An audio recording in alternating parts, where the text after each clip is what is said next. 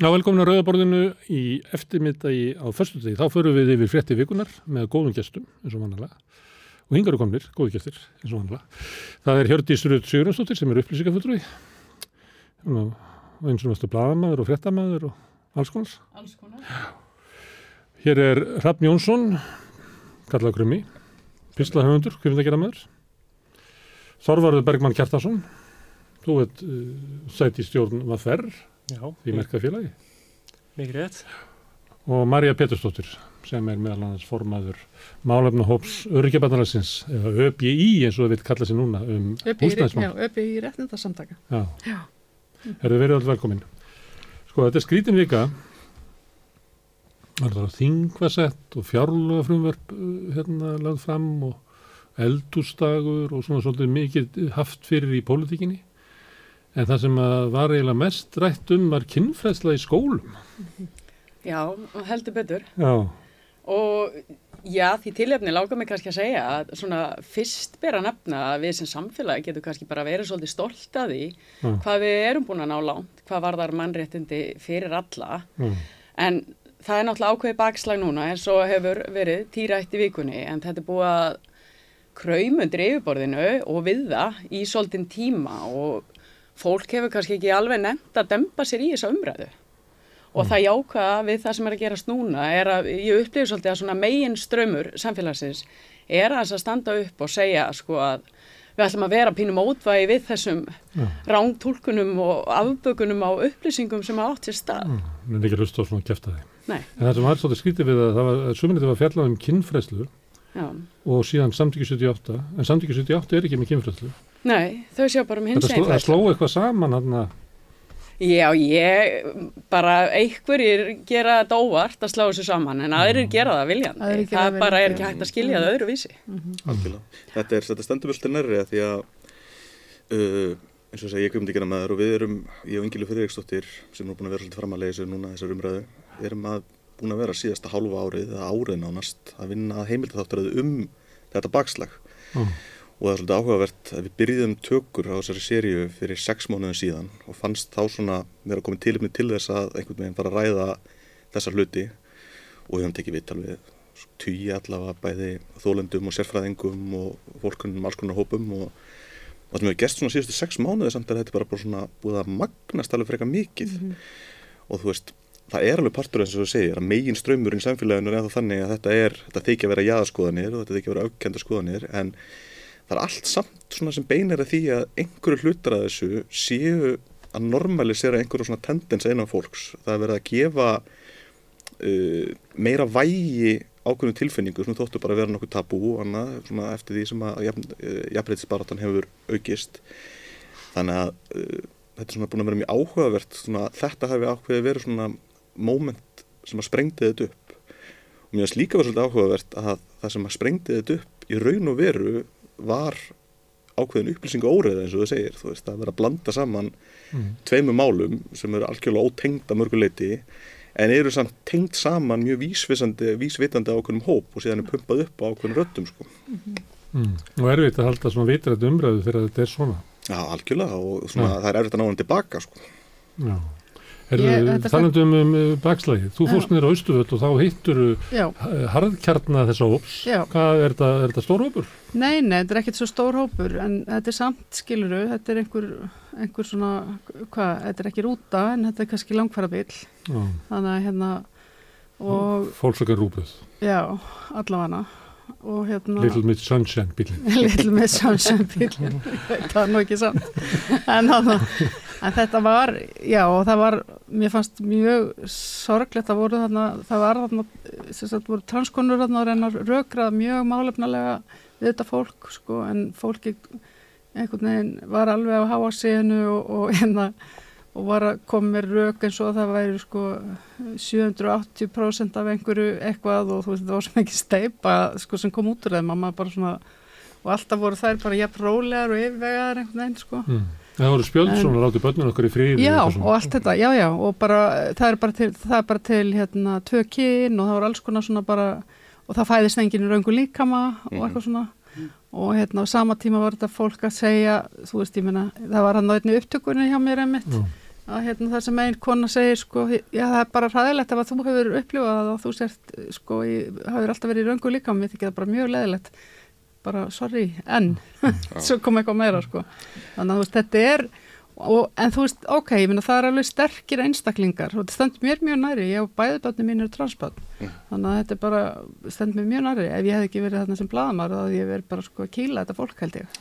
Þannig að hérna, þú veist Ég veit ekki, mér finnst samfélagið ekki taka nógu sko förstum tökum á hattusorraði og mér finnst eins og núna bara sem við sáum í blöðunum núna um að, um að rektorinn í, í til dæmis uh, í fjölbrötaskólanum í Garðabæ uh, þú veist hann ætla ekki að aðhafast í, út af Páli Viljónsinni og hann með bara hafa sína skoðanir og eitthvað svona en svona börnin þurfa ekki að fara í tíma til hans eða þeim þykir það óþægilegt þetta finnst mér alveg rosalega liðlegt mm. og lind og eitt af þessum vandamálum sem er einmitt við hattusorðræðu að því að það er til hattusorðræðu lögjöf sem er alveg frekar skýr einmitt. það hefur reynd mjög sjaldan á hana Já. því að bæði verist sko vanda skilning bara hjá lögjastlu að taka mótið þessum málum og setja þau í réttan farveg og svo hefur bara þessi mál bara dagað uppi þetta eru hvað þrjú, tvö, þrjú, fjögur mál sem hafa nokt sem að lati í domstóla mm -hmm. og það eru fleiri mál eins og málun en að semu sem hafa sem er ekki hattusorðismál, þetta voru bara hótunamál sem mm. er bara allt annað málaflokku sko.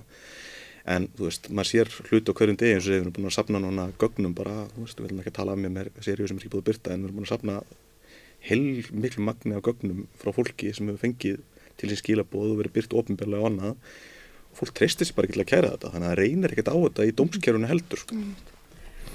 Og svo að því að þú varst að tala um þetta eða hvort það varst þú um að verndum börnin og svona þau vilja að fá að fræða börnin sín sjálf um kinnfræðslu og mér finnst það bara svolítið enginlega hugsun að fólk sem næri ekki að, að lesa, skilja og tólka upplýsingar sjálf allir sér að fara að kenna öðrum sko. Já, og þess vegna bara rosa gott að skólakerfi sé þarna til að jafna þess aðstöðu barna að upplýsingum mm. af því að þetta er bara svo mikilvægt mótvægi við klámi og bara ofbeldi og mm. öðru sko. Þau mm. þurfa bara að hafa vissar upplýsingar og, og geta leitað eitthvað þegar þau sjá eitthvað og við höfum bara lengi séð eitthvað alls, eh, þú veist, í sjónvarpinu bara þó maður sé fættur fyrir þó nokkuð löngu höfum maður sé alls konar morð og annað í sjónvarpi sko, þú veist, það þarf bara að skýra það út Já, Þorvarður, þú ert yngstur okkar Já Hvernig var kynfræslan í þínu ungdæmi?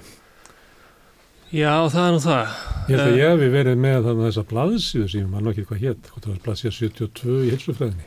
Ég held að það hefði verið í bókinni minni. Já, ég í rauninni, sko, ef ég á að reyna að rifja þetta upp, þá man ég eftir mjög svona takmarkaðar í kinnfræðslu. Þetta var öruglega, maður fekk öruglega eitthvað svona, þú veist, hérna er hæna og hérna er ungi svona í öðrum bekki eða eitthvað í kringum það tímabil.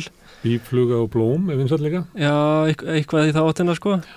Uh, síðan hefur maður fengið bara held ég einhverja svona uh, svona kynningar sem einhver kemur frá einhverju og hérna er bara svona að tala um kynfræslu almennt að það er endilega með svona ákveði námsefni þannig að alltaf svona manið svona eftir því mm. þannig að hérna þegar ég hef verið að skoða þessar fréttir og hérna uh, myndirnar úr, sem, úr þessari bók þá er þetta svona þetta er svona ekki eins og ég man eftir því mm. en þetta er, þetta er svona Þetta er aðeins öðruvísi heldur en hérna, allan í minna, sko. Ekki verið að kenna þér um engasvæði og þannig að þú fengir að hafa þinn líkam í fríði fyrir þeir sem voru að seilast í hann. Um, það, ekki, ekki komið ekki á daskar á skólans? Nei, ég held ekki beint. En, veist, alveg öruglega minnst á í einhverju svona, svona samtali við bekkin sem að kennarni fekk ekki að vera partur af og eitthvað þennig. En hérna ég held að það hef bara verið einhvern veginn óformleira. Mm.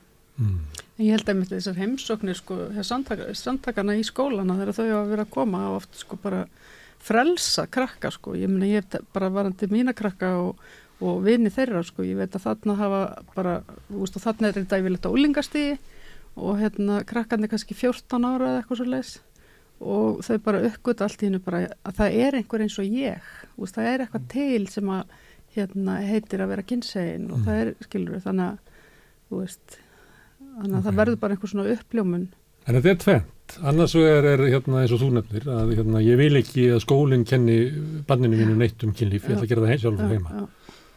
Svo er það hins vegar, ég vil ekki að, að þetta fólk komi í skólan og spilli bannunum mínu. Já og geri það að sko. Kynseinbarni eða transbarni annars væri það ekki að fara í skólan en það vilja bara lokka börnin já, yfir. Og það er rauninni svo svona mikil undirlikjandi grimd bara í þeirri hugsun, bara grunnhugsunni að þú getur innrætt. Já, bara svo mikið Börn, opbórslega annarkvort fáfræði eða grimd eða bæði, sko. Ég svo bara svo ótrúlega sögur að þú veist að barni hafi komið heim og sagt að kennarin hafi sagt að þú þurft að ákveða hvaða kyn það væri. Þú veist, það er bara eins og það sé eitthvað samtal sem kom upp úr þurru á milli kennar og bars bara, sleppna það þess er- bara meikar ekki sens. Þetta er samt skilur, þetta er í svona fræðslu efni frá samtökunum að, að krakkar sko megi ákveða hvaða kyn þau séu, þau verður þau bara að finna það sjálf. Já, en að kennarar en- séu að krefja Já, börnum nei, nei. það að þau séu að ákveða sig á punktinum, Já. eh, það er bara algjörlega út í Bara hörn. fyrir ásvöldið. Já, En svo þú veist, ef einhver kennari myndi gera það, þá væri það bara eitthvað sem að fóreldri ætti að eiga við þann kennara, skilur ekki fara að taka allt hins eginn samfélagið að lífi. En hugmyndin er svo að þetta fólk sé óreimt og við verðum að venda börnin okkar fyrir þeim. Börnin fá að vera bara börn í friði og þetta óreina fólk kom ekki og raski sakli sérskunar. Það er eiginlega þessu. Já. Og það sé fólk hérna á meðalók Mm sem er bara það mikið bara eigi ekki, ekki að tilheyra samfélagin okkar. Mhm. Við meðum ekki leipa þeim inn í skólana. Og þetta Nei. er sko, þetta tala líka svolítið bara inn í sko upplýsingaóraðinni sem er hann á milli, það sem að vera að blanda saman kynfræðslinu og, og hinseginfræðslinu að að þetta er svona gamlu kretturnar bara fyrir einhvern veginn snemm og nýjundaratugnum að e, samkynniður og sérstaklega hommar séu badnanýðingar. Þetta séu svona Já. badnanýðingshlutur og þetta var einhvern veginn það sem að bara sást þetta bara í þatsir ríkistjórninu það sem þið settu bara lög og það mátti ekki kenna samkynnið sem stóð bara frá 87 til 2000 eða eitthvað sko alveg ótrúlegt. Og þetta var nákvæmlega sama orðað en þá sko. Að það væri verið að fara inn í skólana það verið að innræta eitthvað óeðli í börn og það mætti bara ekki ræða þetta. Og svo kemur þetta aftur upp núna og þetta er náttúrulega blanda sérstaklega inn í transumræðina því að það verist vera að transfólk sé svona svolítið á sama stað og uh, homar og lesbjör voru á nýjundaratögnum og það komur bara nákvæmlega sem er talpunktanir aftur upp og sami óttinn og sem er tabúin og fófræðin sko. Já, já, og jafnvel sko hins eginn fólk að, að beita sér á þannan hátt gagvart hans fólki Einmitt. sem er mjög sorglegt. Já. Þetta er ég svolítið svona, þú veist, ég held að þetta séu svona uh, útkoma þess að, þú veist, mannfólk er bara svolítið tilfinningavörur Mhm. og þannig að rauk ná ekkert alltaf til okkar, við erum ekki þenni byggð. Ég er svona, að því maður er svo heppin að uh, þurfa ekki að vera inn í hérna, þessari baróttu, að hérna, þá svona fer maður stundum að hugsa um þetta á svona aðeins heimsbyggilegri hátt Mm. þá hef ég, ég verið að hugsa þú veist að ég held að það sé öðruvísi uh, þessi baróta í dag heldur hún var áður því að þú veist eins og áður þegar að þú veist samkynneðir voru að hega í sína barótu að þá voru bara svona tiltúrlega góð svona rauk sem var erfitt að vera á móti sem voru hérna það hefur ekki áhrif á mig af hverju ætti ég vera á móti? Mm -hmm. uh, núna er í rauninni aðeins meiri krafa um umburðalendið af því að það er eh, að vissuleiti verið að ætlast, ætlast til svona um, orðalagsbreytinga og svona þenni þannig að vera að ætlast til meira umburðalendis frá fólki og ég hugsa að þetta sé kannski bara að við séum í dag kannski bara á ákveðinu svona þroska stígi í samfélaginu sem að við erum bara þurfum bara að fara í gegnum Ekki, bara, ekki þroskaðar en þetta. En, Það er náttúrulega í þessu að ef að hérna, hefur komið til hérna verið samtöl hér við rauðaborðið það sem hefur verið bent meðal hans á að ef við erum að byrja þetta saman svona réttinda barátt samkynara og homma sem var eiginlega bóðið upp á þetta sama og erum við að gera núna að uh, þeir þurft alltaf að mæta í kastljós á móti sko Gunnar í krossinum eða Snorri í Betel það var ekki fundin eitt svona normal. Þú finnur bara eiginlega, það er eiginlega teikt sér út fyrir allan í aðar til að finna andmælanda, ég er bara, hvað rugglir það að samkynnið menn þurfa eitthvað að vera réttlæta sig verið fram að snorri í betil Mm. Veist, það er ekki, átakapunktarnir voru ekki þar. Og að sumuleiti er umræðan svona í dag líka að það verið að finna einhverja sko bara, sem bara últra anstæðinga eh, fólk sem er í einhverju réttindabaratu og þeir þurfa að verja sig eitthvað þeim eh, næstu í stundum bara hljómar þetta eins og sko skemmtiðatrið fyrir okkur hinn sko. Eins og, eins og viðtölinn við fórsvarsmenn samtakan 78 voru á þessum tíma sko. Algjörlega. Já. og það er sama tíma eins og núna eins og það held ég að sé það er verið að reyna að fá eins og uh, fórsvarsmann samtækna 22 sem eru svona stærstu svona andtrans samtökin á Íslandi Já. og, og eldur til vil sem að fer fyrir þeim en, en málið er þetta, það vill enginn endur taka þetta held ég, það er svona vill enginn fara og mæta húnum í einhverjum rökræðum að því að þú vilt heldur ekki gefa þessum hlutum bara eitthvað vægi sko, er ekki- líka, hins vegar fólk upplifir þetta líka bara að þú setja að dreifa þú Þetta getur ekki verið að í- getur ekki verið í fimm manna félagið og, og ætlast þess að fá plattform sko. Nei. því að Snorri Betel og, og Gunnar í Krossinum höfðu þó eitthvað söfnuð í kringu sig Já. og voru talsmenns eitthvað svona fyrirbriðis en ég, ég get ekki séð að, að samtíkja 22 séu það Nei, en það sem þau hafa í dag eru samfélagsmiðlarnir. Þannig að þar geta þau reynd að koma bóðskapnum áfram að því að þau komast í rauninni ekkit hann einu vitin í fjölmiðlana þannig séð. Að og þú segir þetta er bara fámenn samtök og mikill í aðarhópur og ekkert kannski ástæði til að vera að gefa þeim eitthvað sérstu plattform en þannig náðu svona að eirum hér og þar með eitthvað smá hluta stundum af Já, ná, ná að, þau ná að sá einhverjum fræjum hjá Já, sumum og hjá maður er sumum. rosalega margir sem hafa hoppað á vagn það að þau nái að sko lokka fólk yfir í og maður sér það bara ost, ostakið Já, maður sér það á samfélagsmiðlum. Það er eins og, það er eins og sko, fólk hafi farið, hoppað einhvern veginn ánavagn í einhverju miskiling, sko. Já, ég, þau hoppa kannski ekki á vagnin, er þetta ekki meira þau er svona, já, byrju það nú kannski ekki rétt að vera að kenna börnum Já. sem eru sjö ára sjálfsfrón eða eitthvað svona, Já, sko, taka eitthvað svona það var eitt enginn að því. Nei, það var enginn að því, sko, Nei, nei, en þá en er það- bara nú, já, það, ef það er, þá er það ekki gott, sko. En þetta er samt líka bara partur held ég af svona flóknara trendi sem er bara partur af samfélagsmiðla byltingunni og öllu því góða og slæma sem að uh, það er fyllt okkur sem er þá bara að landamæri er algjörlega horfin og staðir eins og bara Bandaríkin og Bretland þar sem að svona antitrans umræðan og þetta bakslega komið lengra heldur en hér. Við erum mjög fljóta að flytja þá samtalspunkta hingað inn og þá menningu hingað inn og farin að yfirfæra einhvers svona samfélagslega vandamál hingað inn sem eiga sér ekkert endlaðar nennar stóðir enn sem komið er í raunveruleikunum hér. Og það er, til dæmis- það er engin svona hægri popúlisku flokkur á Íslandi sem er komið svona langt í þessar umræðu. En þú sér það samt að pólitíkur sem svo Sigmundur Davíð hann talar ekki um þetta á íslenska þjóðþinginu en hann skrifa greinar út í Bretlandi þar sem að veit að hans er, hann hefur farveg fyrir þessar hugmyndir og þar. Svo er hann með svona, hvað þetta kalla hundablýstur Mhm. í þegar hann er að tala sko, Nákvæmlega. hann tala inn í hann hóp. En hver er munur á þessu? munið ekki þegar það voru samtidig nýlögum um þungunarof þá var einhver eitt klerkur og þær konur sem að voru fyrir utan fæðingadildin Já, ég man eftir því. og voru að mótmæla. Og þetta er það þannig í samfélaginu að það er ekki þannig að allt í neitt dægin séu bara allir pró-trans og enginn sko fullur af einhverjum óttakakvað þessu eða reyna, síðasta fýblið er ekki fætt, getur við sagt sko svo er það bara líka þannig að það er bara alls konar skoðanir hvað, ég minna, er það vandamál að það séu þrýr sem eru á móti þungunarofi? Það er kannski, eh, það er kannski, þú kannski, ég veit ekki hvort það er að bera þetta saman, en, en já, það er eiginlega vandamál. Vegna þess að sko, þegar við erum að tala um mannréttindi og mannréttindabaróttu, þá sko er vandamál að einhver sé standi gegn henni. Og eins og, hvernig er maður búin að vinna sigurinn er það bara þegar síðasti maðurinn er hættur? já, nei, Þá kannski þegar, að, þegar að samfélagið er farið að bara taka á kannski svona hlutum á, á, á svona öðlan máta mann finnst, en mér finnst það ekki alveg við ekki alveg verið komið þangað eins og þú ert að tala um. Sambandið trans Já, En það er sambandið við þungunarofi, þá þólum við svona einhverja, þeir með bara hafa þessa skoðan Já, vilja, já, já. það trublar það, það Nei, það er bara svona það er þeim ótti eða um að það verði sko. bakslag í því. nei, nei, nei. ekki því- sem komið er sko, Nei. þú sér það til dæmis bara, þú veist, það er ekki langt að sækja yfir hafið það sem að það hefur orðið bakslag í akkurat þessum málflokki og, og nú er það búið að setja það bara í hendu fylkjana í bandaríkjanum hvort er alltaf að lefa þetta eða ekki og, og maður hugsa bara þannig að þú veist það er með á Martin mjög slent segja um bandaríkinu sko en þetta var svona, uh, framan af svona ákveðin, ákveðin vakka frelsisinn sko og það er einhvern veginn búið að bera það svolítið tilbaka menningarlega þarna við flytjum inn rosalega mikið af menningu annar staða frá.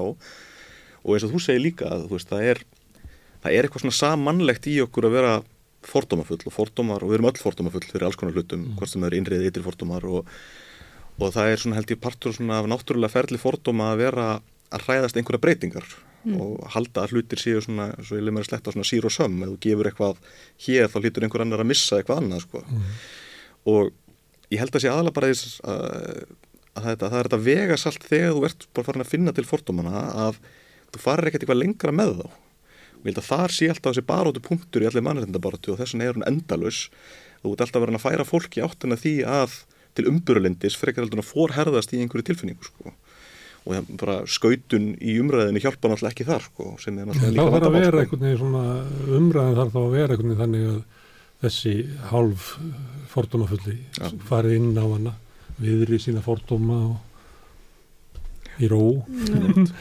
Hlusti á rökin og jafni sig.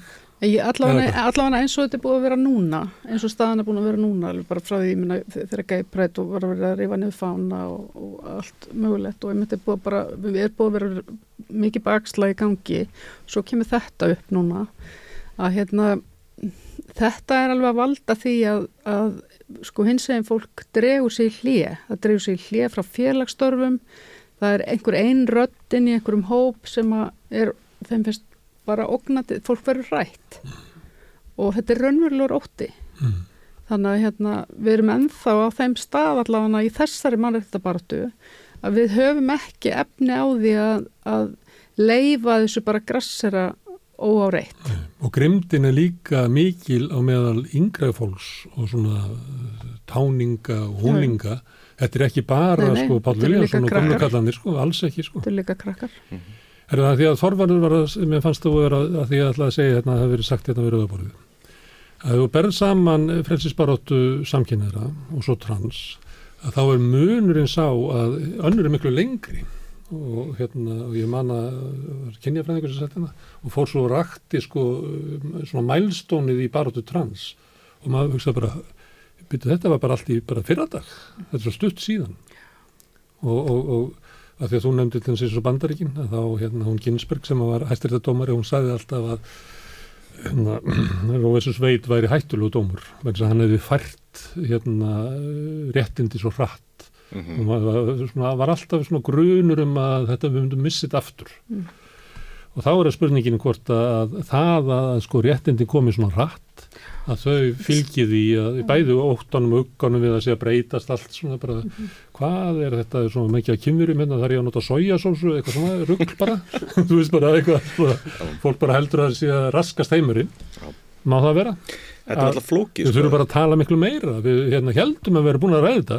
Við erum bara ekki, búin að ræða þetta. Já, ég meina það eru svona fræðilega rattir um svona jafnrættisbáratu almennt að hún sé í rauninni bara ennþá í starttólunum í hildinni því að þú veist, það er bara uh, skoða bara réttindu báratu blökkumanni í bandaríkjanum að bara fólki sem stóði henni er ennþá bara á lífi og vinnumarkaði sko, margir margi hverju sko, þannig að þetta, maður heldur maður er svo nálat sjálfum sér í tíma alltaf í hugsun sko og og nóg tekur, er rasismið þar. Sko. já, já, og breyt, breytist ekkit sko, en maður er svo nála sjálfum sér í hugsun í tíma að auðvitað tekur þetta langan tíma og auðvitað er náttúrulega þægilega leiðin að hækka hittan í vatninu hægt sko.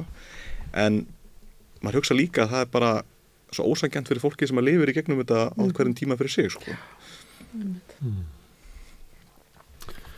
Þorður en e, ef að við þurfum öll að taka ákvörðun með, þessu- með samil afstóð saman tíma þá er náttúrulega ákveð svona hætta á svona að við, við viljum venda tjáningafrelsi og málfrelsi. Mm. Já, og það er ekki gott að hafa að fólk óttist að segja eitthvað vegna þess að það gæti ekki passað inn í. Við viljum líka hafa svona fölskvalausa órætta umræðu eða hvað Já, ég hef allan að mér hefur alltaf líka illa við það þegar það er talað um að, að einhver orðræða sé svo hættulega þurfi að taka hana niður af, veist, af félagsmiðlum og uh, vettvangum. Uh, það er kannski bara út af því að hérna um, eftir að maður las einhver tíman uh, 1984 þá allt sem minnir mann á það það ringir bjöllum. Mm. en hérna ég, mín afstafa til hlut, hluta eins og þetta er að bara að slæmum upplýsingum þeim á að vera tekið á móti með meiri upplýsingum og ég held að það sé svona, ekki bara rauðarspildinu já, ég held að það sé svona uh, eina svona góða leiðin til þess að uh, til að hegja þess að baróttu án þess að mm, opna fyrir það að sko sumar hérna, skoðanir eru skoðanir sem máttu vera með og aðra skoðanir máttu eiginlega ekki vera með. Hvað séu þessu? Þetta er náttúrulega flókið, ég held að, held að sé sko það sem að ég dreig eitthvað svona mörkin svona í þessar umræði er að, að það er endalust leifilegt að rökraða skoðanir, lífskoðanir, pólitíska skoðanir, samfélagsskoðanir en þú ert komin á svo hálinn ís þegar þú ert farin að sko rökraða tilvistarétt fólks Mhm. Já. og upplifanir fólks að sjálfum sér að því þá ert einhvern veginn ekki lengur að rökraða nefnum forsendum öðrum heldur en bara það að viðurkenning einhversi ekki til sko. Já, þú var að meiða. Já, aðrir er í minni rétt á sér Já. en þú og, og þínir sko. en ég er líka sammála því að náttúrulega bara málfrælsið er hortsteinir líðaðisins en, en þetta verður bara svo flókin umræða þegar að við erum að, að svona heia stríð við falskar upplýsingar og svona endalisa svona, það er endalisa lög af fölskum upplýsingum, þetta er bara svo laukur sko, sem þetta er að og, og hluti sem að líti út fyrir að vera fullkomna sannil vera raukstutir og allt En er eitthvað annað að gera en að bara fara og En- fara ekki bara, ha- við erum bara að ræða ekki lauk. það er Nei, ég meina jafnvel kennst fólk sko, sem er að kenna ungu fólki er að fara með rángar upplýsingar. Þetta er náttúrulega ekki í lægi. Við þurfum alveg að hafa eitthvað svona, þú veist, við þurfum að vera varbergi, gagvar þessu og við þurfum að hafa eitthvað system þar sem við getum einhvern veginn komið veg fyrir að þetta sé niðurstaðan. Þessi náttúrulega komið, komið vel að ringi tilbaka í byrjunum umræðin að náttúrulega lausnum við þessu er rauninni bara fræðsla sko Já. og að standa vörðu um fræðslu og, og svona faglega, faglegt samtal við fólk bara um bæði bara umbörlendi og líka bara gaggarinu hugsun. Mm. við viljum heldur ekki að okkur sé svona kent hvernig við erum að tala. Það er einhver hérna, sem að vinnur hjá fjölmjölanend sem kemur reglum í fjölmjöla og er að fara að segja okkur hvernig við erum að... Ég fæ alveg bara að rýsa allt hérna upp sko að, að það sé bara gefin út ordra um hvernig maður er að tjá sig. Ég Nei, vil kannski ekki að tjá mig með svona temmilegri hæðni og, og þú veist það er eins og óljós hvað er að segja og ég vil ekki að þetta bara allir séu eins og séu ykkur í námskeiði um hvernig Nei, það við tjá sig. veitum alveg, við höfum alveg svona skýra, sko, það er alveg skýr skilgreining á hatusorðaði, skilur, þannig lagað. Já, en er ekki hægt að vera alveg- að fara lengra eitthvað en hvernig að Nei, ég hef engar á að tala? áhugjur af því, ég hef ekki nokkra áhugjur af því, að því bara svo lengi sem að við passum upp á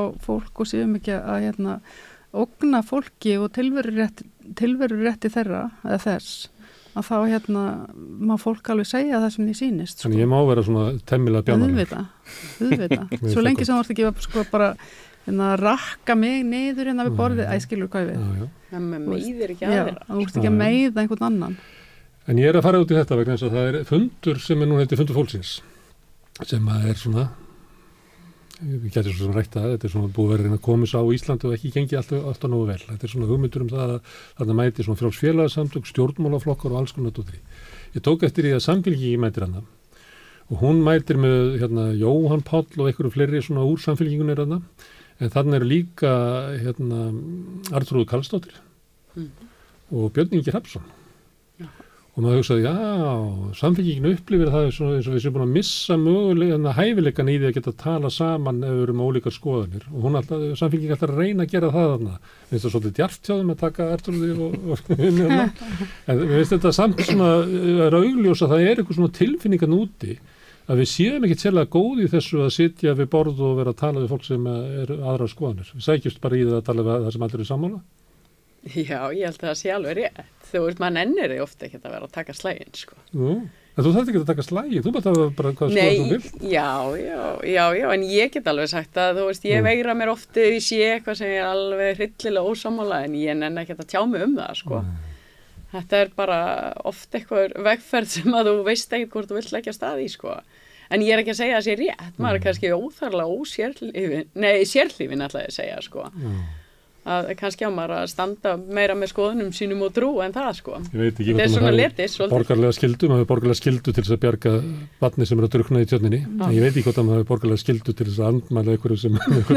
Nei, kannski ekki. Kannski Ha. má ég bara vera að löta þessu leiti áfram, sko. En þið eh, heyrið þetta í samfélaginu að hérna, vera að tala um að okkur sem bannað að segja eitthvað Björn Ingi til þess er alltaf að tala um þetta og ég veit aldrei hvað hann er að meina sko hvort að hann sé hvort yfir því að megi ekki flagga rasískum skoðunum af því að það voru að kalla rasisti sem er mjög fundið að því að ég held að engi maður einstaklingur nánast að meira hafi búið til stærra plattform heldur en Björn Nei. Ingi sjálfur sko. þannig að það er, það er ekki fyrir því að fara að skoðinu hans vandi í almenna rúmin sko.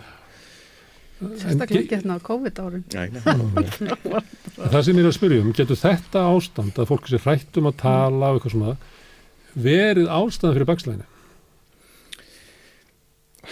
ég, Já, ég menna að Þegar umræðin er einhvern veginn deigari ef þú fer bara í, sk eh, skautun er þetta bara vandamál Já. það að við séum bara búin að búa til ákveðna bergmálshella og allt það sko og, og ég held að sé alveg vandamál svo ég taki nú svona, svo ég leið mér að sletta aftur svona devils advocate á hinn pólinn þá held ég sem mjög erfitt bara að vera með skoðanir sem eru ekki svona fullkomlega svona samfélagslega viðurkendar eða einfallega bara með spurningar eða hugleðingar og annað því að svona gráa svæðið í samtalenu er svolítið horfið og ég held að svona bara mekaník samfélagsmiðlana spili þar svolítið inn í bara því að bara hvernig við tjáum okkur samfélagsmiðlum býður ekkert múlega mikið upp á einhver svona gráa fleti í samræðanum sko. Þú ert svolítið bara svolítið sílóaður af strax sko, bæði bara af sko algríminu sjálfu en líka bara svona, svona umræðu hópunum sem fær í kringum sko. Þannig að ég held að samfélagsmiðlar verðan orðin þetta stór partur að því hvernig við tjáum okkur, hvern, hvaða fólk er í kringum okkur, hverju við þekkjum og allt það spila alveg stóra röllu við því bara hversu mikið við erum búin svona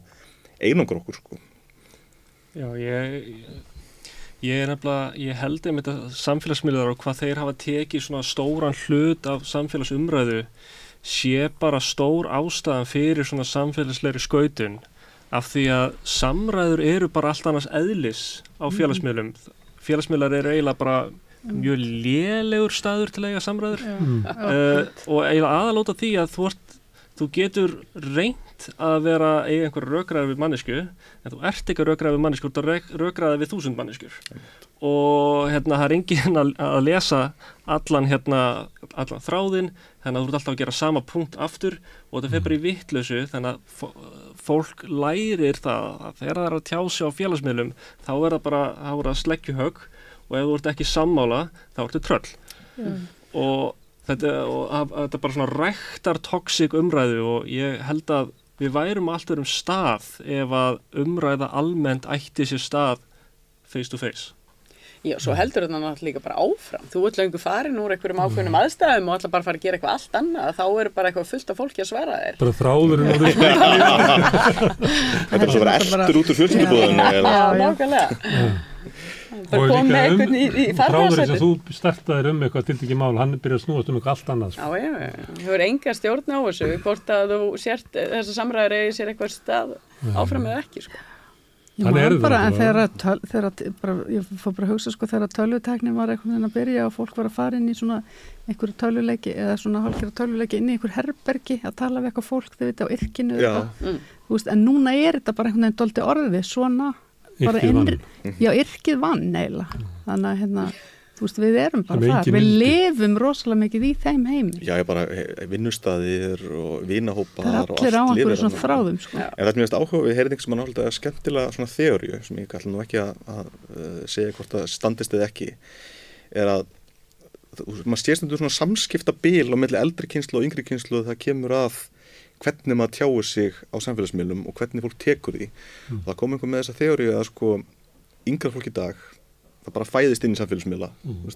bara kynsluðu núna sem hafa ekki þekkt neitt annað eldur samfélagsmiðla. Mm. og það er leiðandi verður svona mikið af sjálfsmynd til á skennum samfélagsmiðla hvernig það tjáu sig, hvernig það er og hvernig það talar, hvernig það tala við það. Og meðan kannski eldri kynsluðin sko, svona, svona, svona ég og upp úr jafnvel sko, sem að mann horn og tíma maðan horfna tíman nákvæmlega sko.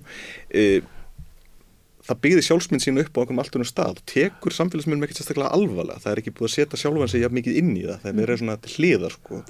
Þannig að uh, yngri kynsluðan á því að taka á það til að taka samskiptum um sams, samfélagsmiðla meira persónulega og meira inn á sig og taka því meira alvarlega sem ég veist að svona það er áhuga að vera eitthvað svona gjá orðin þarna á milli sko. Já, ég held, úps, ég held að þetta sé, mitt, um, sé mikið til þessu. Og þessna held ég líka að sko, yngri kynsluðin sem er að verða fyrir sko, fordómum að hún takið í einmitt, mjög bara hún verði, það fólk verður virkilega hrætt. Það er miklu meira áfall það er mikið meira áfall fyrir yngra fólk að verða fyrir einhver árið á netinu heldur en við okkur sem er eldri En Þetta er svolítið eins og samfélagsmiðlar hérna, espi upp í okkur alltaf versta.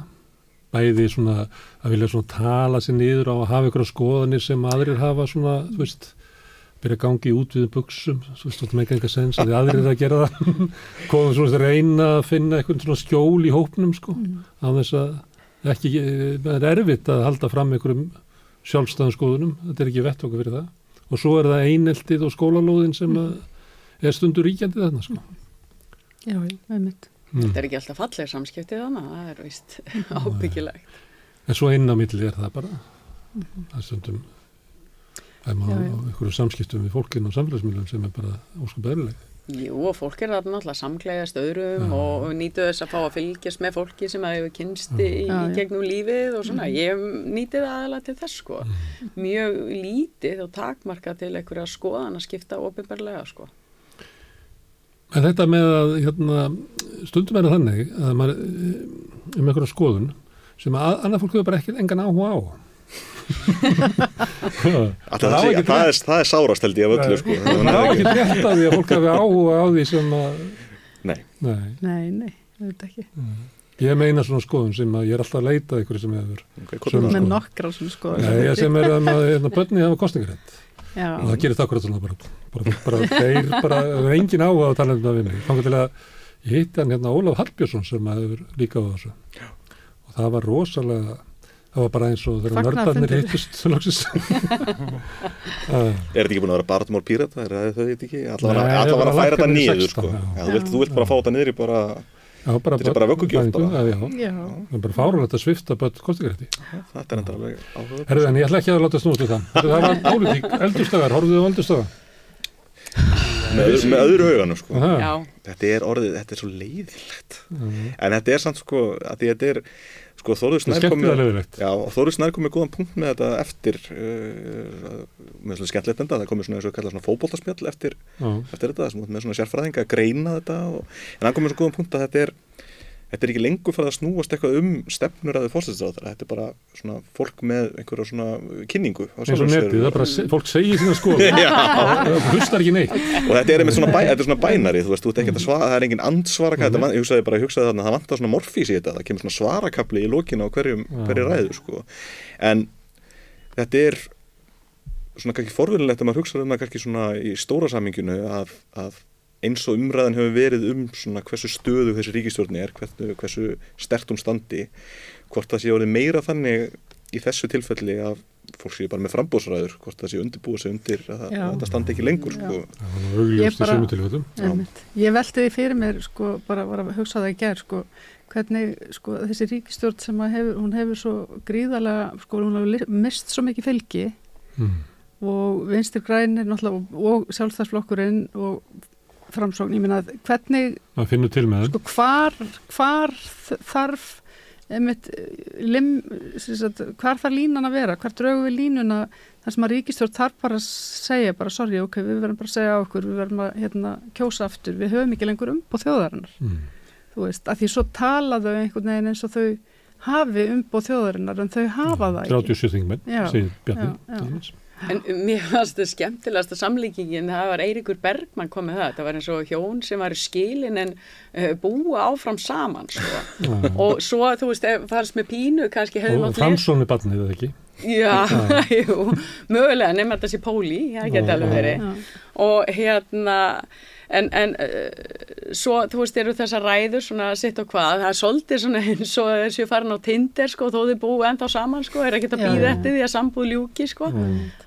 Og ég minnst svona, jú, það var alveg það er sjaldan eitthvað sem kemur óvart í þessu sko eh, og þess vegna er maður kannski geta að fylgjast með með fullri aðtekli þegar maður þarf ekki að skrifa frétt um það sko Nei. En, en það var allavega, þú veist, bæði Lilja og Katrín, það er svona allavega viðurkenna að vakstastíg og verðbólga sé ekki góðum málum, að meðan að Bjarni bara lætur eins og þetta Sem sé er ekki til. efnarsmálur á þeirra. Já, Það er að akkurat. lakar að hann við, við ekki nefndi ekki. Já, og þú veist, og það er svolítið svona, þú veist, millistjættin og, og bara flest allir nema kannski hæsta þeir tekjuhæstu hafa bara áhyggjur af þessu. Fólk sem hefur komið inn á húsnæðismarkaðin á síðustu árum eftir að húsnæðisverð fór að hækka og svo bara blasir við, annarkvort er fólk alveg að detti í það eða er komið í það að vera bara með húsnæðislánæsti og smálan á tökstum Mhm. eða vöxtum, ætla ég nú að segja. já, já. já, og þú veist, þetta er bara eitthvað algjörlega galið og ef við horfum á löndin í kringum okkur og horfum á stýrivextina þar þú veist, þá er það ekki helmingur af því sem eru hér, þó þeir séu þar í hæstu Ég að og Já. Tyrklandi. já, þarna sagði ég ekki um löndi sem viljum saman Það við fara hanga til þess að finna hærri vexti. Þeir voru Já. hækkaði núna í Rúslandi já, um 1% stig. já, hvað eru þeir komnir í? Í, held ég, 12 eða 13, ég menn ekki. Já, einmitt Hugsaðu, það er að tala um ríki sem er fullkomlega efnaðarslega einangrað sko. Já, já. Já, þetta er stórmerkilegt og það er eitthvað, jú, það var talað um að það er að gera eitthvað til að mæta leiðindum sem er gott og vel, en Það er alltaf talað um það. Ég er bara... Já, já, svo- Þeir lofuðu þessu 2019 og Já, þetta sagt já, já. ykkur einustu áramóta áarpi, það er aldrei gert neitt. sko. Nei, nei, og von, vonandi verður gert eitthvað þó ég hafi ekki mikla trú að það, því. maður mætti ekki setja það í reglur að sko, stjórnmála með með ekki lofa sömu lofurðunum sko sem meira þeir- ef þeir hafa svikið Já.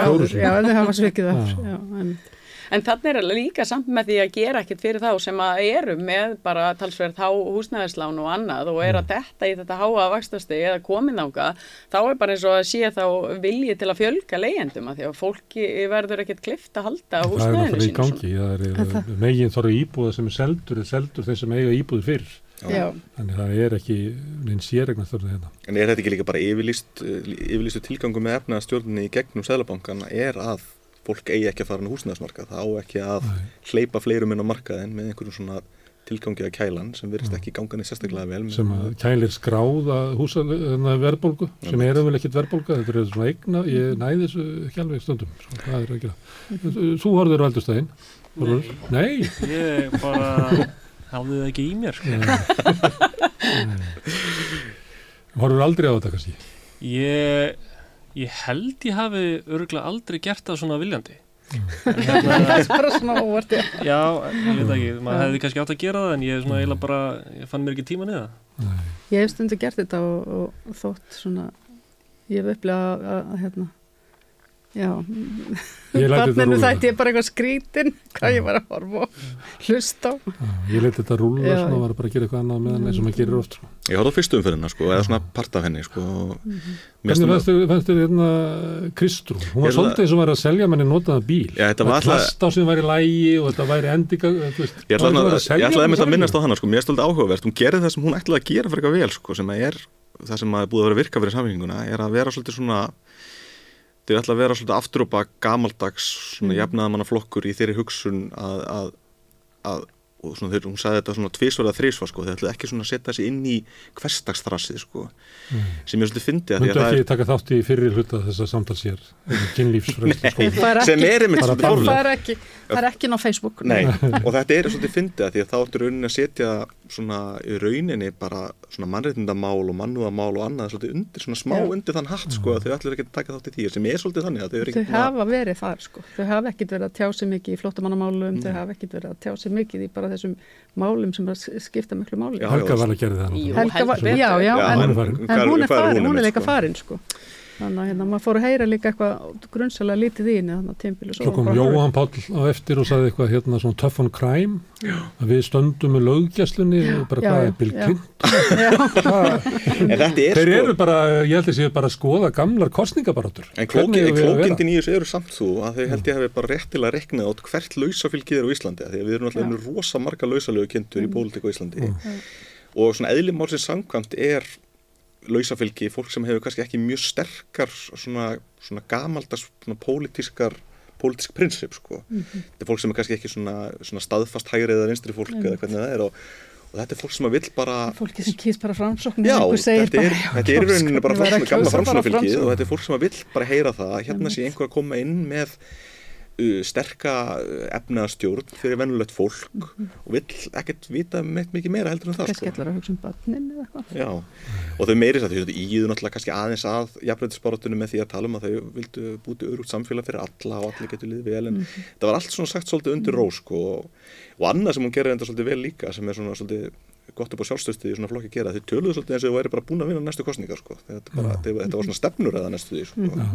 myndi mér svolítið á þegar píratarnir voru sem er stöðu Mhm. þá var hérna, voru eitthvað svona eh, tveir og hálfu mánuður ennþá í kostningar þá komu svona að hérna, smári McCarthy er því fórsetisráður embætti Já. fórsetisráður þeirra efni og það kom svona tónn í það eins og væri eiginlega búin að vinna þetta það var ekki gott sko það var ekki gott Ég held að kjósa þessi líka svolítið svona styggur ef hann finnur að þú veist, þú, þú heldur og fáir þetta hefða mér, þá læti ég ekki fá þetta. en svo er þetta náttúrulega rosa erfitt að tala við kjósendur sem að síðast hérna, fjallu fyrir, hérna, er ekki bara best að kjósa framsók. Já. Hvernig lokkar þetta fólk til því sem að leta stjórnuna atkvæði sína? Ja, þetta er bara, það er bara eitthvað, nú er bara best að kjósa samfélkingur en þetta er fólki alltaf að leita bara alltaf örugur skjóli sko. Fólk sem að vill bara mæti í vinnuna og vera með fjölskyldunum sinni og vill ekki pæla mikið í dægafþarasunu en, en hugsa um að það vilji borga hans læri vexti á lánunu sínu en það vill ekki fara í lítur, ekki, lítur á sjálfstæðarflokkin sem sem of svona einhvern veginn ekstrem dæmi um hægri mennsku og vill ekki fara í viðreistna því að þau eru kannski eitthvað svona óviss og Evropastefninu eða eitthvað þá þú vilt bara búa til svolítið svona hlýtt teppi af stjórnmálaflokk sem þú getur farið inn í sko. Stort yfir ég bara vilit ekki, eiginlega. ég vil eitthvað, já, ég vil fá bara eitthvað stjórnmála líki. já. Já. En er það ekki líka bara að því að efnarsmálinn eru eins og þau eru núna, þá er bara svolítið stert að tala inn í það, að því það er svona grundvellur afkomi fólks, er Mm. að það nái að halda þakki yfir höfuðið og Mm. geti bara stunda sína vinnu og, og Það er líka Clinton, þetta snýst um efnarsmálin. Já, en ég meina þegar ástandi er svona, þá er kannski ekkert skrítið Ég að að, það við, virki ég vel. held að það verði við hún Clinton, bara mm. Tough on crime og, og þetta snýst um efnarsmálin. Mm. Herðu, en hinum einn, að því við erum að tala um pólitík, þetta er svona að leita þessu, hérna, er ekki bara best að kjósa framsóknar fylginu. Hinum einn er sjálfstæðisflokkurinn að svona undirbúa sundur að láta, hérna, taka innfluttu umræðinu sem þú varst að nefna á hann, menningar stríðið í, í bandaríkjónum og aðtóða hvort að það geti kannski hjálpað um að, hérna, lifta upp fylginu aðeins. Ekki alveg virkað en þá, en eins og að sér maður að miðflokkurinn er orðið stærrið framsókn. Og þetta er sko, þau byrja, þau eru sniður samt sko, þau byrja þau byrja ekki til með eins og í menningarstyrjunum með hinsegin málefnin sko, því að það er eldfeimari kartabla og fólk sem á fleiri málsvara. En þau byrja náttúrulega á innflytjandamálum og flottamannamálum, sem að fólk sem að getur alls ekki varið sig og Er ekki með kostningarétt. er ekki með kostningarétt, ekki með vinnurétt og annað sko. Og það var þetta mjög svona flott, flott að sjá það þegar maður mætti akkurat einmitt á þingsetninguna. Því ég mætti það líka, var, nið, var niður frá líka og það voru, ég mætti bara, það var stór hópur mættur ég hugsaði bara, hvað mjög góð, þetta get ekki allt verið þarna anti-trans-aktivistanir sko, en það var þetta no borders hópurinn sko. Og hann var svona, þetta var svona faglegustu mótmælunni sko. Og þau náttúrulega stóðu lengst og voru lengst og og þarna Svo kom strandveðmenn. Já, þeir mættu þannig líka, þetta var svona, þetta var ótrúlega sena sko, það var búið að vera þessi tveir ólíka svo Já. komu þeir allir alveg Askvaðandi. lappandið askvaðandi inn í þetta. Já, það var mjög flott. en þeir alltaf svona þá, þá landamæri, landamæri, öryggi, afkoma þetta er svona sterkir punktar á sáþælfloknum að þetta er svona, þetta er allt svona innflutt menningastrís umræða að við sem að færa fólk hérna í landi sem að sem er að ganga á velferðarkerfið okkar, ganga á skólana, ganga á heilbriðiskerfið, alla þessa hluti og, og sem náttúrulega er mjög skrítið að því að þú vilt reyna á sama tíma byggja upp svo þannig hagkerfi að við getum ekki fyllt neina stöður af fólki hérna sko. En er þetta ekki, ég meina sjálfstæðarflokkurinn er að pæla í þessu, hann er alltaf sér bara kostningar í Finnlandi, Svíðjóð, Ítalíu. Ég meina hann er bara að pæla í þessu, er, er þetta leiðin, ég meina svona hægri flokkar, ég meina þetta er eitthvað Trump-línan og eiginlega Reagan líkan, uh, línan sko, við getum ekki komið sko nýfrálsíkin á, verður þess að fólki finnst hún ógísleg. Mhm. Eina leiðin er að láta stjórnmáli snúðast um eitthvað allt annað Já, og tökum hérna kristnum hérna með okkur og látum þá fleit okkur til valda og svo dælum við ný, hérna nýframsingin í gegn. Ég meina, ég lítur að vera að þetta Já. sé einhver svona kjallara herbergi í valhalla sem þetta er bara teiknað upp á vegg. Haldur Já. ekki? Já, ég, það er allavega verið að, að hérna, nota þessi mál til að Já. vinna sér ákveði fylgi. Bjarni notaði tröppunar á bestastöðum til þess að eiginlega tala um þetta sko, Mhm. sem er svona sérstakur staður. og svo náttúrulega hefur sjálfstæðarflokkur náttúrulega verið lengi verið þekktu fyrir það að, að uh, hafa mjög svona kannski uh, siðlega ofinbera línu en vera mjög velkomin með það að hafa þingmenn og stjórnmálumenn inn í sinu röðum sem tala langt út fyrir þá línu og tala náttúrulega alltaf um það þegar að það er bent á hvað þetta eru slæmar skoðanir eða skadalega skoðanir eða þessi svona breyðfylking skoðana sko. Já, já. það rúmast allt innan sjálfstæðisflokksins, allt samtal og, en þetta náttúrulega hjálpar, þú veist, þú vilt kannski ekki vera bjarnir sem er að flö, með hundaflutuna en það er fínt að vera með aðra þingmenn og aðra stjórnmálumenn sem er inn í þínu flokki sem að geta tekið það svolítið á sig til að aðtuga svona að testa þessu vatnið sko. Það Ég svo- meina Guðrún gerir það, leysir Jón alveg beint af holmi, bara kemur inn af krafti með þetta, Það sko. er nákvæmlega eins og Jón. Já, Hún var eiginlega bara ráðin til að vera Jón. já, já. Já, Já, hún fekk bara sama handritið. Já, Já. einmitt. Og var greinilega alveg tilbúin í það líka. Já, já, hún var alveg tilbúin. Hún var ekkert að heika í, í, í sínu tali um þetta. Nei, Þetta hún er var bara- alveg búin að sína það fyrirfram líka og ég meina, hún kannski bara var Jón, hún sko, jafnvel. Það hafi verið. Nei, En það, var segi líka, svona. en það var mjög En- að sjálfstæðarflokkurinn gerir þetta mjög meðvitað af því að hann, þegar, þegar að verða þarna ráðherra skipti Já. þá talaði þetta alltaf eins og dólsmáraðandi sé bara þetta sé bara eina málefnið sem að þau eru að fjalla um sko. og það lítur að vera mjög meðvitað það, það sé sett henni fram sko. Umsátruðum vín. Einmitt. En þetta Þorvarður, er, heldur að þetta verði kostingamál? Já, maður að fara að líta svolítið henni út af því að, jú, er, uh, þú veist, þeir eru búin að falla svolítið í hérna skoðanukunnunum og hafa verið að gera það náttúrulega, þú veist, í fjölda ára og hérna, og þetta er svona kannski trendið sem við getum spottað annar staðar að hérna, þetta er svona málefni sem að hefur komið öðrum flokkum uh, áfram og ég held að þetta sé kannski pínu tilbreyting að þetta sé svona stór flokkur sem er að taka þetta upp núna. Mér fannst ég bara taka svo mikið eftir því þú varst með rauðaborðið hérna fyrir ekki oflengu síðan með hérna fulltrúa frá Píratum og sjálfstæðsflokknum að tala um uh, einstaklingsfrelsið að hérna mér fannst það verða bara svo skýrt hvað þetta var innan tónt hjá sjálfstæðisflokknum að því að það virtist bara snúum uh, viðskiptafrelsið já. og alltaf þegar hún, hvað er heitir hún, svona. þegar, já, þegar hún var að tala um einhvað einstaklingsfrelsi sem var ótengt því þá var uh, hún Mist. Diljá uh, svona yfirleitt ósamala Já, Já, já. já, hún vildi ekkit frelsi, hún vildi ekkit frelsi, sko, fjár, já, bara er bara frelsi fjármaksins, já, já, já, Já, ég meina hún hefur talað til Já. bara mjög stert gegn til dæmis afglapavæðingu fíknefna Já, já, hún það raukst svona- það reynda Frelsismála. sérstaklega í þessu Já, já. þætti að það væri svona persónulegt já, Já, ég skil Já. það En- og ég laði svona tóka fram að hún var með öðruvísi afstöðu heldur en kannski flestir í Já, sátunum. En þessi flótamannmál, þetta er náttúrulega ekki sko bundi við Ísland að, og þetta, þetta sé hérna kostningamál hérna núna, þetta er náttúrulega bara ástand í heiminum, ég minna það hafa aldrei verið jafn margir að flóta í heiminum eins og núna. Þannig að hérna, það er kannski ekkit skrítið að þetta sé mál málana í dag. En Það eru fáir sem koma hingað, það er raunverulega. Það eru í raunverulega fáir sem koma hingar, Mm. það eru kannski svona slatta fólki sko þegar þeir voru náttúrulega að taka hópa af úkrænumönnum og, og frá, fólki frá Venezuela. Sérstaklega bóði stjórnvölda, Já, sérstaklega- og Venezuela. Já, þeir eru búin að gleyma því, sjálfstæðsmenn eru búin að gleyma því, þeir munna það ekki. Þar fyrir utan En- þá koma á ykkar. Já, já. sem eru vantilega líka ekkert sem skilabúðin að- sem við erum að senda það er, það er skilabúðin sem yfirvöld vilja senda En það, að er svo, er það síðan aftur svo augljóst sko, að þetta er síðan fólki sem að þeir vilja ekki hafa, það er fólki frá Afrikuríkjónum og Arabar og, og, það er það sem bara er svo hræðilega sorglegt og svo eru þeir að bera okkur saman við og vinstir grænir líka sko. Já við erum nú bara að gera það sem að sko hinnan Norrlanda þjóðnar er að gera. Að því að mitt hinnan Norrlanda þjóðnar er búin að vera að gera svo frábæra hluti sjá þið til. Veist, þannig að þetta er Svo er sorglegt. sko. Ég hef stundum verið að, til dæmis taka kannski Svíþjóð, hvað eru margir sem hafa verið þar eða frá Sýrlandi. já, já, Ef það verið sami fjöldi hér og, og hlutfastlega, já. þá ætti að vera 7000 manns Ég veit að við erum að gera mikið verra í rauninni heldur en Svíþjóðs, já við erum að gera verri hluti en samt eru þessi lönd í dag í rauninni þekkt fyrir að vera að gera slæma hluti Já. að mörgu leiti og eins og bara, já ég meina ég fór í heimsókn upp á Ásbrú í gær uh, þar er fólk bara sem er að býða eftir afgjörslu sinna mála eða sem er ég vil búið að opna mála þeirra það, er, það upplifir sér bara í fangelsi það fær ekki, að- sko ég mátti ekki koma í heimsókn að því ég var ekki með skriflegt leiði frá vinnumálastofnun Mm. Mm. og hérna og fólki, fólkinu er ekki hleft inn eða kemur setna en átt á kvöldin þú veist, það er alls konar svona hlutir Hi- hitti hérna þingmann vinsti græn græna hér í gær og hann hafði ekki hugmynd um þetta Einmitt. þú veist, þannig að hérna, sem segir manni ímislegt sko.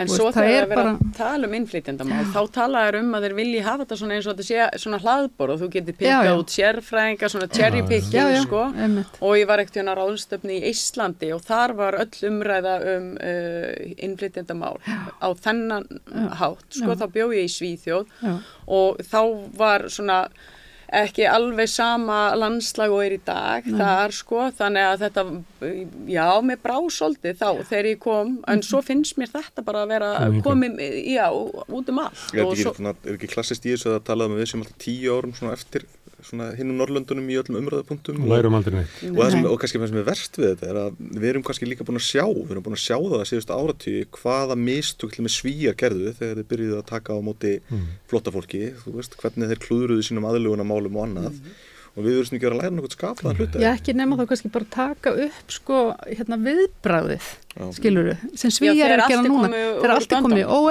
þá skulum við taka upp þetta viðbræð en það var aldrei neitt komið í óefni hjá okkur þannig við hefum getað byrjað á einhverju allt annari byrjun Og við erum ekki að gera neitt, sko, það komum það. fram hérna eins og til þess að samtöðu íslensku kjærslu. nei, Það er bara, er bara sem sko algjörlega til þess að skammar. lifa Já, á, já. á svona landi og það sem er kannski, kannski, kannski litar svona viðbræð ríkistjórnarinn að þessum málaflokki er að líta á þetta sem tímabundið átagsverkefni alltaf eins og þetta sé eitthvað svona vandamál sem er að fara að leysast já, er að fara, fara, og þetta er alls ekki að fara að fara, þetta er bara að fara að Þetta er aukast Mér finnst algengar að maður heyri frá innflytjendur sem eru á vinnumarkaði að þetta sé stefna stjórnvalda um að halda hópi innflytjenda veikum Já. Mhm. þannig að vilja ekki að við lærum íslensku, Mhm. vilja ekki að við þessu þátt okkur í samfélaginu, menn að það er alltaf sko að, að blóðmjölk okkur. Já.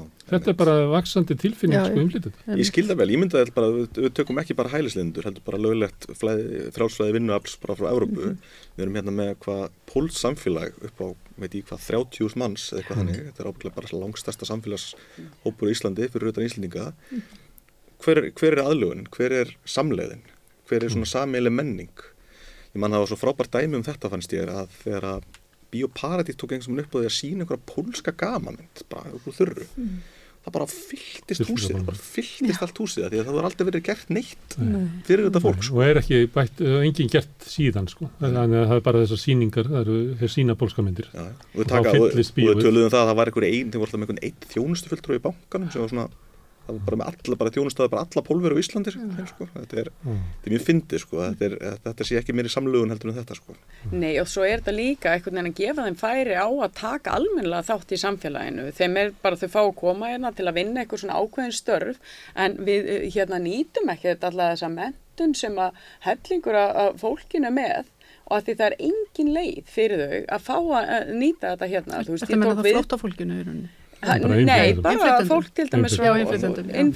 Ég, þú veist, tók einu sinni viðtal við hérna pólska konu, hún var eh, hérna læriði sjúkraþjálfari í Pólandi og þar er það þryggjára nám og hér er það fjögurara nám og hún sagði bara ok, heyrði ég þarf að bæta ykkur við mig til að geta orðið sjúkraþjálfari hér og var með stofu sem að glöð vildi fá hana, að fá pólskumælandi sjúkraþjálfara. Og eftir sex ára ströggl við kerfið þá mátt hún byrja á nulli í háskóla. Hún þurfti semst ekki að fara í mentaskóla Mm. að það var ekki hægt að finna einhver áfanga sem hún gætt bætt við sig til þess að, að fá réttindi hér og hún var að þvó glugga á Ísafjörði sko.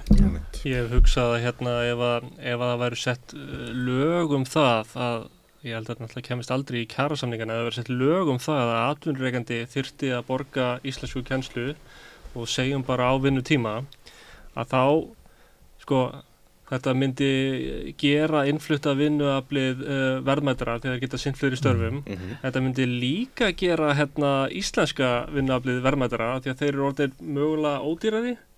Ég held þetta væri win-win fyrir alla nema kannski atvinnureikindunar Mhm.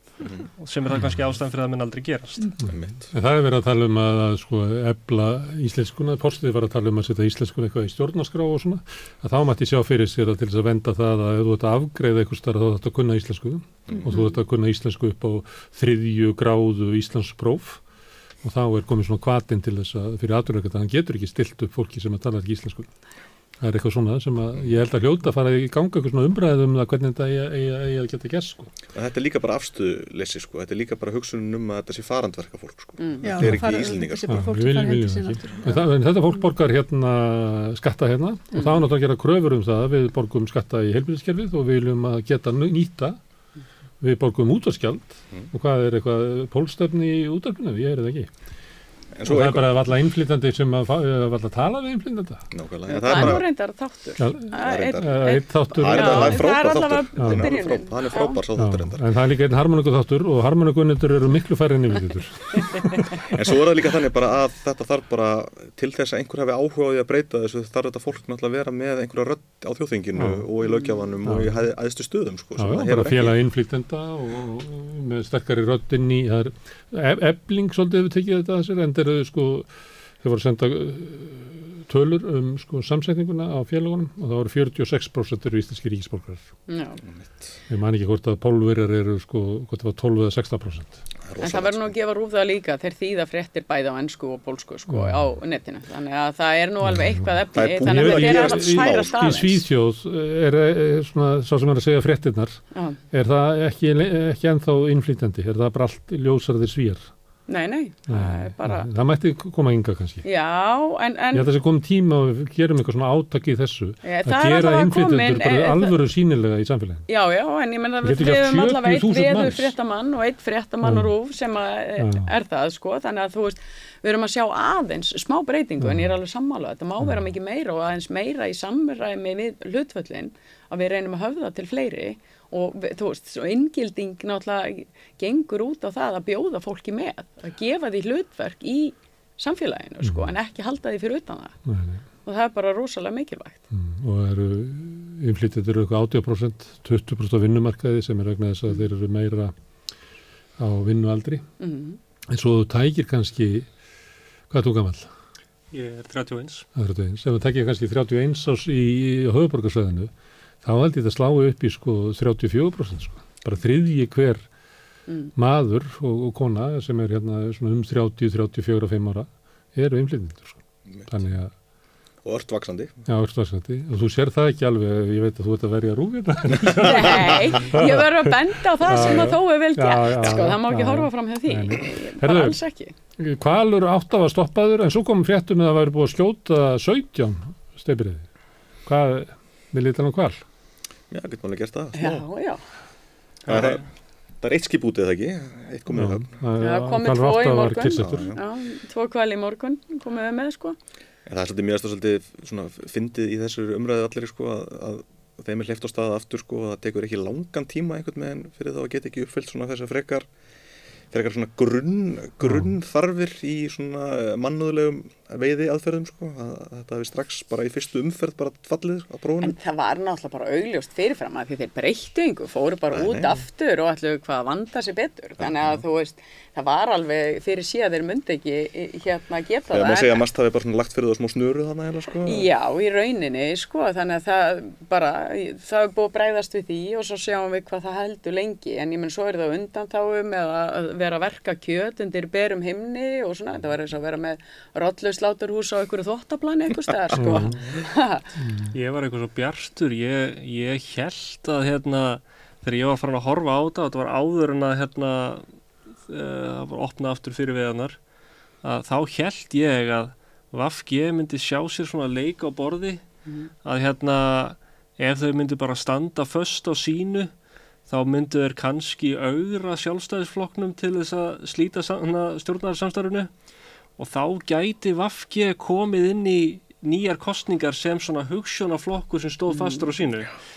En er hvalamáli nógu öflugt til þess? Kannski ekki. lásuðu það ekki þannig en, en fólk gerði ótrúlega mál úr þessu sko. þetta varð svona rosalega stór kartefla í umhverfismálunum og eins og með svona mörg mál þá eru svona kvalveðna sjálfa rosa svona skrítin lítill partur en þetta er svona, það eru afleitar umræður sem þetta hefur áhrif á sko. þetta er náttúrulega bara þetta var svona flaggi eins og þú segir sem er svona umhverfis og náttúru vendar flaggið sem þau mm. sett svona smá niður þarna og á sama tíma þá náttúrulega er alveg hlutfastlega gerði útgerðin rosalega mikið málur þessu líka með hvað þetta er hverfandi yðnaður sko. En er ekki hérna, Sandís að vinna þetta? Því að þeir get ekki veitt uh, hval uh, og, og staðið þessa nýju reglugjörð. Þannig að mast bara stoppar uh, hval átta og svo stoppar hann hval nýju. Þá er þetta bara búið. Já, ég það held það, ég ég held að, að þú veist, þetta var ekkert, hún gat ekki stöðva þetta einhvern veginn, komst ekki upp með það þó hún hefði viljað það alveg, þannig að þá er verið að reyna að koma, þú veist, þetta er fæðingaði að stöðva kvalveðar, nema við sjáum bara einhvern veginn gjörbreytt munstur í, í er í rauninni ekki bara ríkisstjórn, svona, er ekki í rauninni bara nýðustöðan í þessu að, uh, og kannski það sem að mast er að leggja út með að það sé í rauninni ekki neinn mannúðleg leið til þess að deyða kvali þannig að það sé hagkvæmt að þá. Samt sátt sætti hvalur uh, fyrirtækið sig við þessa regl, reglugjörð. Þannig að þeir, þeir einhvern veginn, að ég veit ekki. Þetta verður spennandi að sjá hvort áttur þetta fer. Já, já, það er alveg áhugavert að fylgjast með þess Það þarf ekki út nýtt veðilegum áramótin eða ekki þannig. Jú. Svandís ætlar að koma hérna í þátt sem að við erum með hérna á samstöðinni sem heitir Sýnir Eils, verður á sundaginn. ætlar að koma hérna í, ætlar að gera svona tilrun á því að hvernig maður tekur viðtöl við svona valdsfólk. Mhm. Þannig Ég og stóri bróðir, Sigur og Magnús, við ætlum að tala við hana saman. Herðu eldislagsar, það verður búin að vera að segja það að, að, að þetta sjókví eldi leiði til þess að hér sleppi lagsar út um allt og mengi allar ánar. Og nú er það orðið og þá er bara næsta mál. hvað, gerist? Þetta með eitthvað, Sko, ég veit ekki, Það er mér ekkert að finnst gerast í þessu. Þetta er náttúrulega það, þú veist, það sem er búið að vara við, heil lengi Já. er búið að raungerast og þá eiga viðbröðin að vera það að þá eitthvað að fara snorkla í ám og, og sækja þessa lagsa og mér langar að það veri gert svona raunveruleika sjóvarp um þetta. Ég held að ég myndi alveg kveikja á því og hafa það allavega svona í bakgrunninum. já þetta er svona discovery þáttur svolítið svona þannig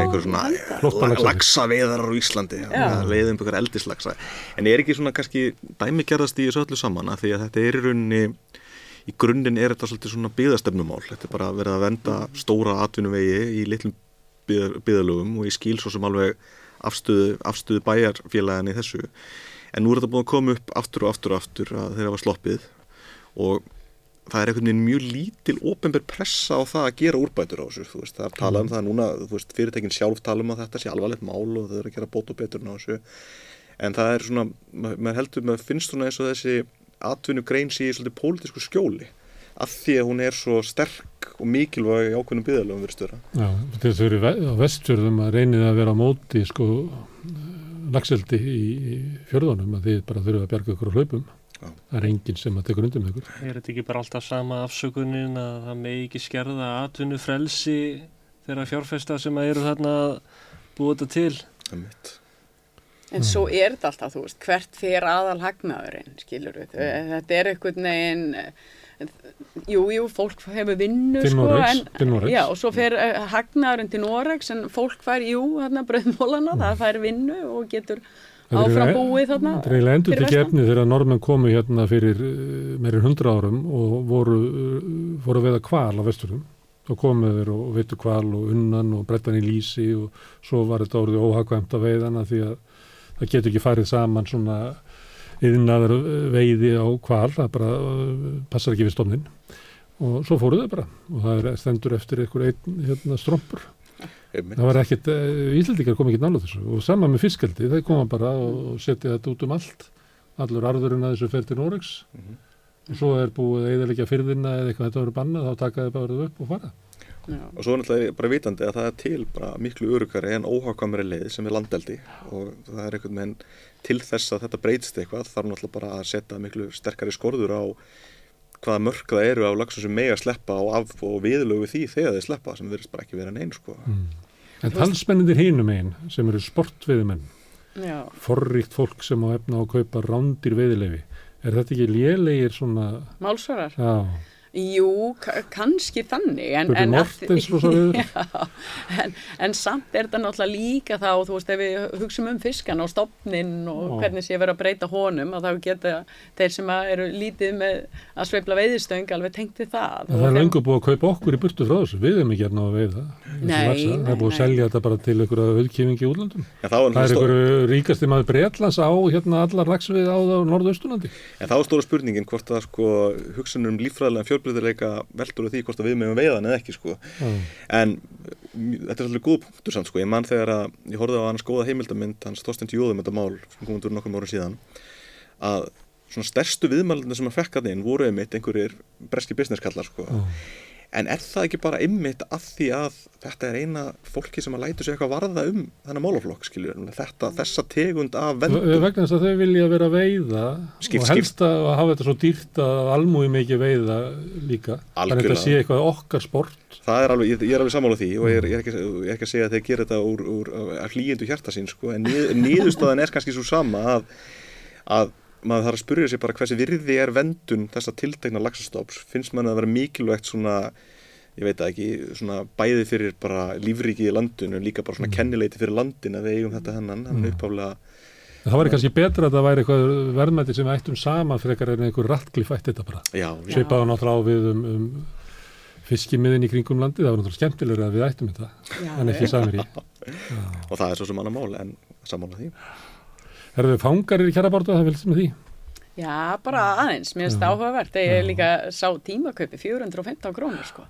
Þetta eru 20 flöskur í endurvinnsluna, sko, á, á tíman. Ég, Þannig að þetta eru alveg rosalega lélega laun og Mm. að því að fangils eiga að vera betrunarstæður. Mm. Að hérna, og þú ert að, ef þú ert að í vinnu og fæðisfí og allt að því ég held þeir þurfa að sjá sér fyrir fæði sjálfu, Já. þannig inni, sko. 70-75 þúsund meðalagi þá á mánuði, sko. Ég minna, þú bara rétt borgar fyrir það, sko. Þú getur ekki kefti Svo blandi og það- fangaverðinni fara í bónus, Já, koma með það og selja það með 10% álagningu. En þetta er mitt svona, er til spurningum svona hagsmunabartu það sem það er erfitt að berjast að því að þú áttir fá málsvarað í samfélaginu. Og þetta er náttúrulega eins og Páll Vinkel bendir réttilega á að þetta er eitthvað sem hann ræður ekki við, þetta er bara reglugjör sem er sett sko, þessir, þessir dagpenningar sem þið fá og þetta er reglugjör sem var sett og hvað uppfær síðast 2006 og ég ákvaði að henda þessin í verðlagsreiknivélina sko, þetta er þessi 140% hækkun á verðlagi síðan að þessi tölu voru ákvarðar og ég menna ég sá það, þeir eru nú þegar búin að gefa sig, þetta var nú ekki langt verkfallið þeim sko, þannig að nei, nei, þeir eru vöktu máls á. Já, og ég meina það er þetta er- ágætt. Já, já, en það er Mm. En það hafa ekki verkfalls rétt Þeir eru ekki að ferra þessi Nei, þeir, og þeir eru væntalega ekki í neinu svona, ég veit ekki, svona löglegu stjættafélagi. Þetta er svona, maður hefði, maður hefði ætlað að í svona siðu samfélagi þá annað hvort þarftu að leifa mannesku til þess að uh, sjá fyrir sjálfum sér eða þú þarft að sjá fyrir honum sjálfur og þarna er greinilega vinnu skilda að því að þú þarft að sjá fyrir þér uh, nánast öllu sjálfur. Um, það er einn atvinnureikandi eftir mínu besta skilningi og það er fangelsið. Mm. og það er einu verslun sem getur vesla við, það er fangelsið. Mm. þetta fara mjög mikið að hljóma eins og við skömmlu hérna kólanámu bæirnir í bandaríkjanum þar sem Company að- Town þar þú fegst hérna, já, þú fegst borgað í gjaldmiðli sem þú kannski bara notað í verslunum atvinnureikandans og eftir hvern vinnandi dag þá endaður í meiri skuld heldur en þú byrjaðir Mm. uh, þetta er svolítið Þetta hljómar eins og fangilsi. Já, já, þetta hljóma basically eins og fangilsi. Það væri nú kannski, þú veist, mér hefði nú fundist að kannski eðlilegt að einhver svona viðeigandi vangur á hérna í verkefnisreifingunni myndi segja eitthvað bara upp á það prinsip að ég meina þetta eru taknilega þessi störf sem að einhver annar gæti gert og þarna er ríkið með svona svona nánast svona löglega þrælafinu eins og er í bandaríunum og það, hérna, þetta kemur reglulega upp sko. ég hef skrifað fréttir um þetta. Og það var mikill kurr á kvíabríkju og þá á þessum kjörum að þá voru fangarnir leiðir út af fangilsinu voru sendir á okkur að bæi að vinna og það var mikill kurr hérna fyrir nokkrum árum. Og þá var maður að rekna út þessi kjör og það er bara ég veit ekki hvernig fangilsis ég vil bara komast upp með að borga fólki þetta. Ha, Svo voru nú örglega að kvíabryggju sem gáttu unni svolítið í fjárvinu og vera á svolítið hærri Já. tóstum það kom í ljósa að tekja samskipsmálinu ég horfði á viðtalið sem að var sínt á stöð 2 þar sem var að tala við þá þar sem þau voru að tala um hvað er hérna pössu sig á því að þetta ekki í eitthvað tunglindi og bara hanga í sófanum horfa á sjónvarpið og vöknum við snemma mótnana og förum í líkarsæktina og svo vinnum við hérna bara í okkar vinnu Kíkt á verbrið á marka. það var Ólaf Rólafsson Hann var að manna og það var hérna var á, hérna, á kvíabryggju að gera samstarfingin í íslensku þjóðinni með því að okra á henni í, sa- í, sko, í samstarfi við einskip Já, innan á kvíabryggju já, já, hefna sín á þessum fangilsistómi. Var það ekki Ólafur sem að, sem að gerði stórt máli því að það veri mannreitindabrót að fengi fór á hestbæk í fangilsi það var eitt stórt máli á honum hann Jó, þeir voru eitthvað að tala um og það má vera að hafa verið rétt sko að, að þeir voru ekki vinsælir eitthvað í Íslandi og það var verið að urðu til sögur um þá. Og það er náttúrulega þannig að það stundu vera til sögur og það þurfi ekki alltaf að vera sannar. Þannig að það þannig að ég veit ekki að, hvað var satt að þessu og hvað ekki en ég veit alveg að það verða til sögur um Óla Ólafsson í fangilsi og þær er ekki endilega allar sannar sko Nei, en þarna var hann að lýsa því yfir að hann væri alveg í hörku vinnu Já, að reka sinn business og svo fáum við skýslu um það og þá var hann bara að blóðmjólk okkur af hvað ég bryggju. Herðu, er ykkur frá Akureyri? MA, FMA, saminað?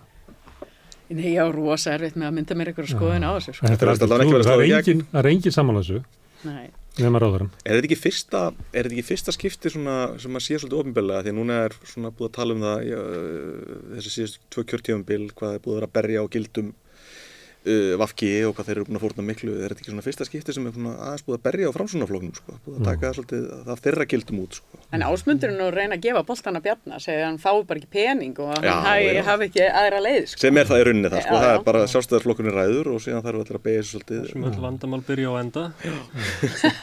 Ég talaði við Benedikt Sigurðarsson hérna í gær, einmitt um þetta mál. Og hann var að segja að það væri ekki sko framsónaflokkurinn hefði ekki verið stopnaður og starfrættur til þess að reka stefnu sjóþarflokksins og þeir ættu að sleppa því sem er svona ágætis ábending. Já.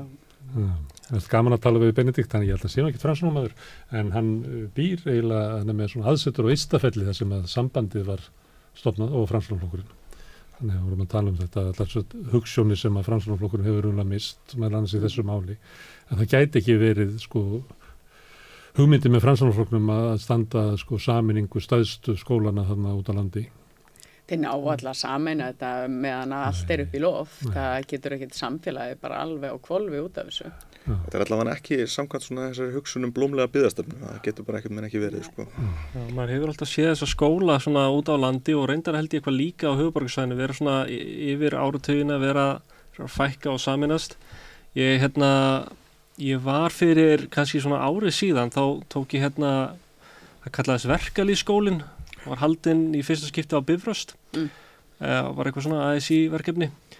Þá fekk maður svona aðeins svona kynningu á hérna Jónas frá Reiblu og hérna og, og þá var það þessi hérna hugmyndi í gamla dag að þeim fannst já, að hérna fólk ætti að geta sótt skóla í hérna sinni heimabygð eða ekki oflangt í burtu og sem líka bara svona partur af svona komið í veg fyrir svona brain drain að hérna allir fór, fara á höfburgarsvæðu og koma aldrei tilbaka og mér finnst eitthvað svo skrítið hvað þetta þótti hægt þá að byggja skóla út um allan fjandan en núna er ekki hægt að reyka þetta. Nei, nei. Það var bara miklu fótakara samfélag sem gætt byggt upp hér að skóla í kringum all landið, hér að sjúkur og hús kringum all landið, gáttu gert alls konar hluti en nú eru stjórnvöld alltaf að segja okkur að við eigum ekki efna neinu. Já. Þetta er hugmyndafræðilega ástæða en það er nokkuð annað sko.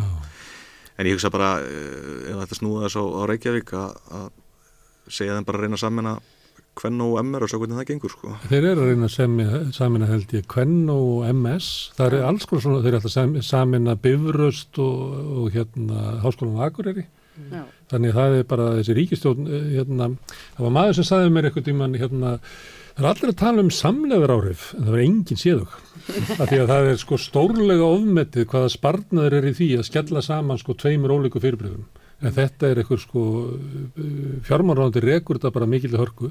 Og annað sem fjármáránandi er að reka hugmyndunum stórgóðslega sparna af opnu vinnurými þannig að Ég ætlaði myndi að taka þetta sem dæmi sko þetta var sett inn og það verið engin sínt að þetta sé hafkvamari nokkuð hlutum, annað heldur en að getur tróðið fleiri stólum inn í rými sko.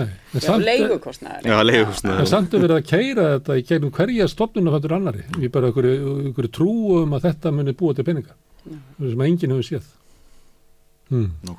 Herðu, Já. takk fyrir að koma enga á ræða frétti vikunar. Takk fyrir.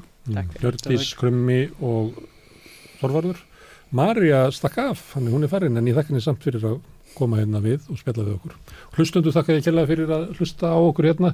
Bendi á að þið geti hjálpa okkur við að byggja upp samstöðuna. Þið gerir það með því að læka síðunar okkar á Facebook og YouTube, læka efnið okkar. Það byggir upp dreifikerfið og stilla á 89,1 í bílnum ykkar. Þið getur líka fundið útarsendingarnar í spilaranum. Hann er til á tölfunni, hann er líka til sem app og þá getur þið hlustað á samstöðuna í hvað sem þið er. Ég var að tala um mann sem er í Paraguay, hann hlustar alltaf á, á samstöðuna á mónana þegar hann fæsir kaffi.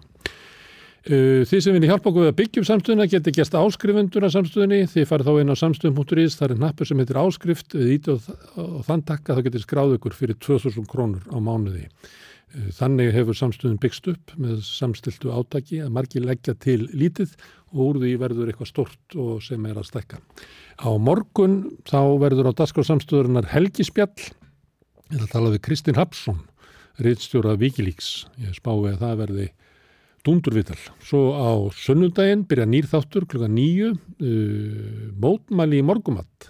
Otni Eir Ævarsdóttir og Maggastína sjáum þann þátt og klukkan 10.40 á sunnundaginn eru Sinir Eils, annar þáttur í þeirri serju, uh, býst við að það verði líka góða þáttur og svo verður rauðaborðið á mánundaginn næst klukkan 8. Sjáumst þá og góða helgi.